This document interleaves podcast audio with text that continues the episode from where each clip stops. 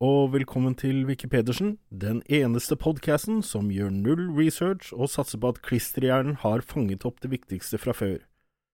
Her er det ingen garanti for at alt er 100% korrekt, men med litt arroganse og ikke et snev av selvironi er det sikkert 99% korrekt, garantert banna bein. Mitt navn er Halvor, og det er min hjerne som har like mye klister som sirupskiva til Jens. Anton på Ekeberg spør Hvorfor ser man så mye rotvelt, men sjelden opplever det, selv om man er ofte ute i skogen? Det er flere faktorer som spiller inn når trær velter på den måten. Noen av dem er treslag, om treet er friskt, og jordsmonn, men aller viktigst er vindforholdene.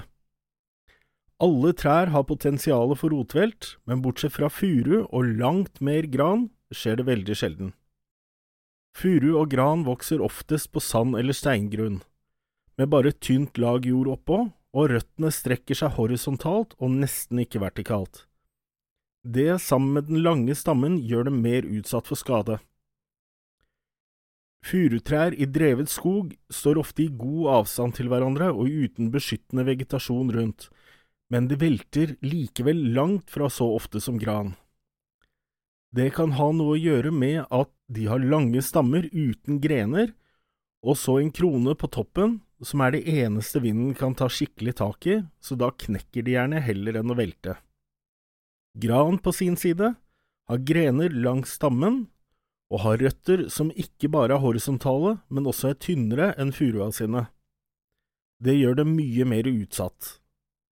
Om grana i tillegg er gammel, og kanskje har skader på røttene, er det klart at denne lettere kan rive opp rotsystemet heller enn å knekke.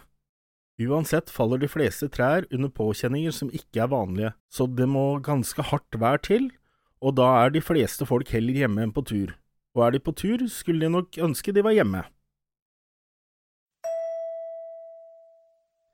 Eivind i gamlebyen lurer på hva på stående fot betyr, og hvor uttrykket kommer fra.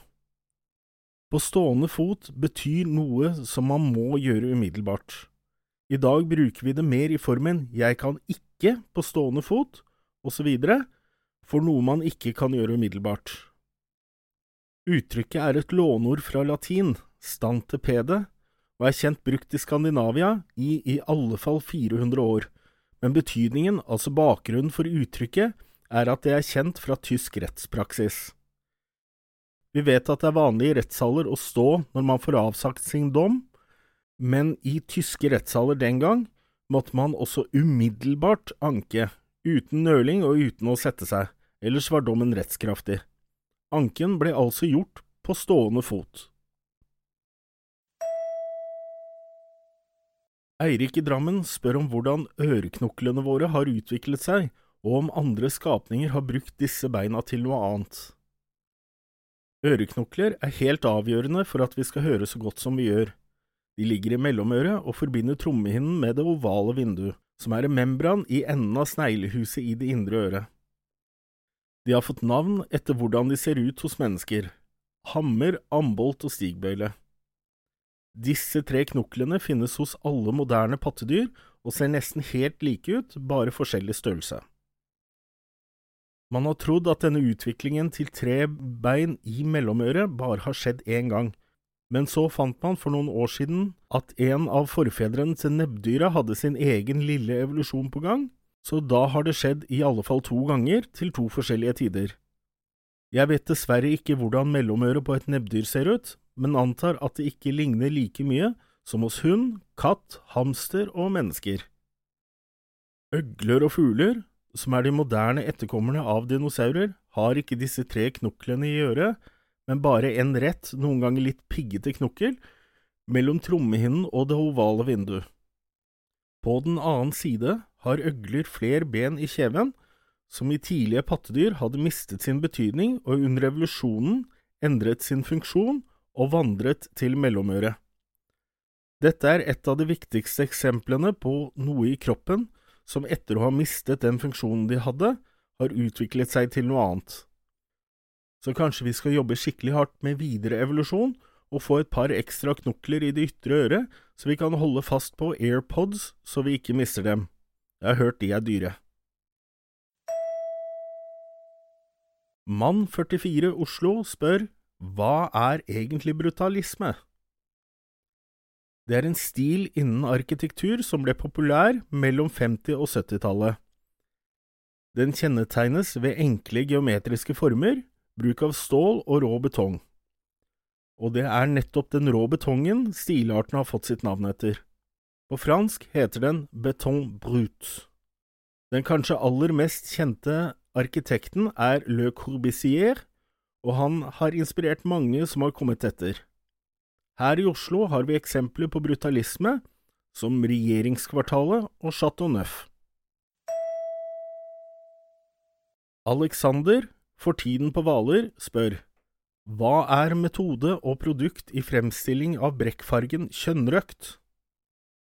Jeg får forklare for de som ikke kjenner fargen, at det er en nesten nøytral mellomgrå farge, litt over mot kald fargetemperatur.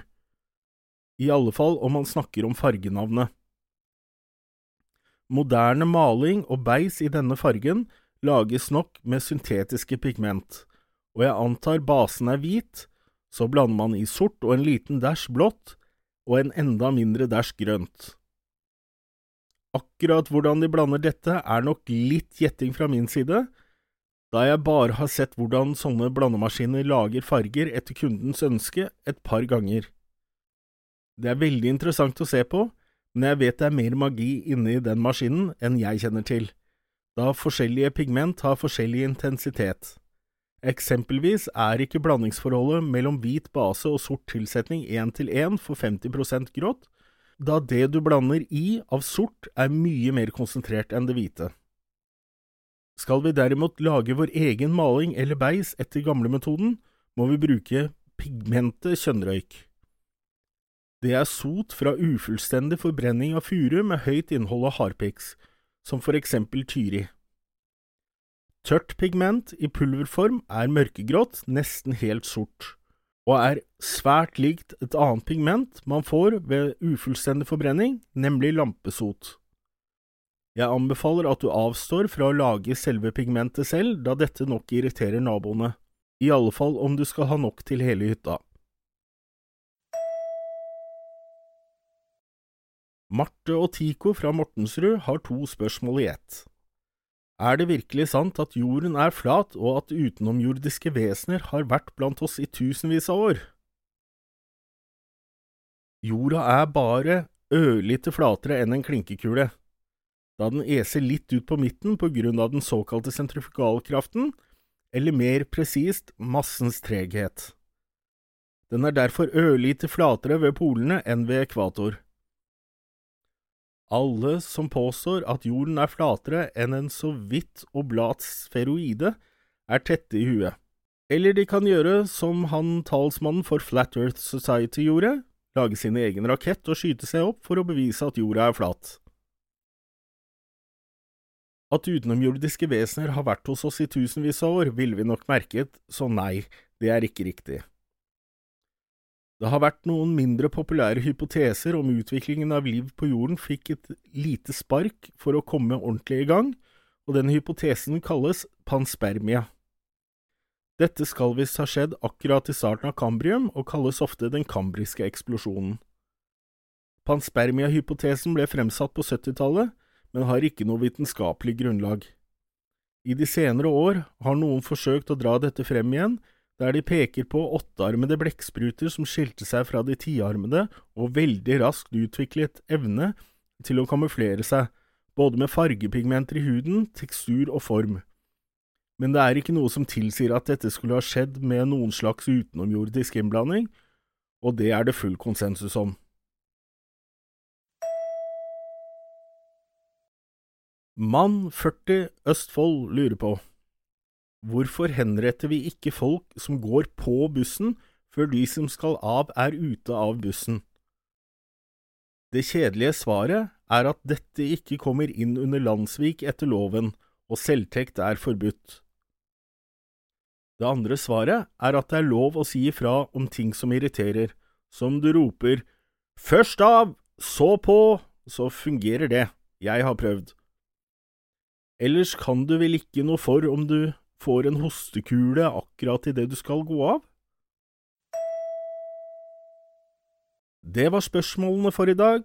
Takk som spør. Jeg oppfordrer alle lyttere til å sende inn både nye spørsmål og kommentarer, og jeg kan nås på wikipedersen at aol.com. Det var wikipedersen at aol.com. Og så håper jeg du deler denne podkasten med en venn. Farvel!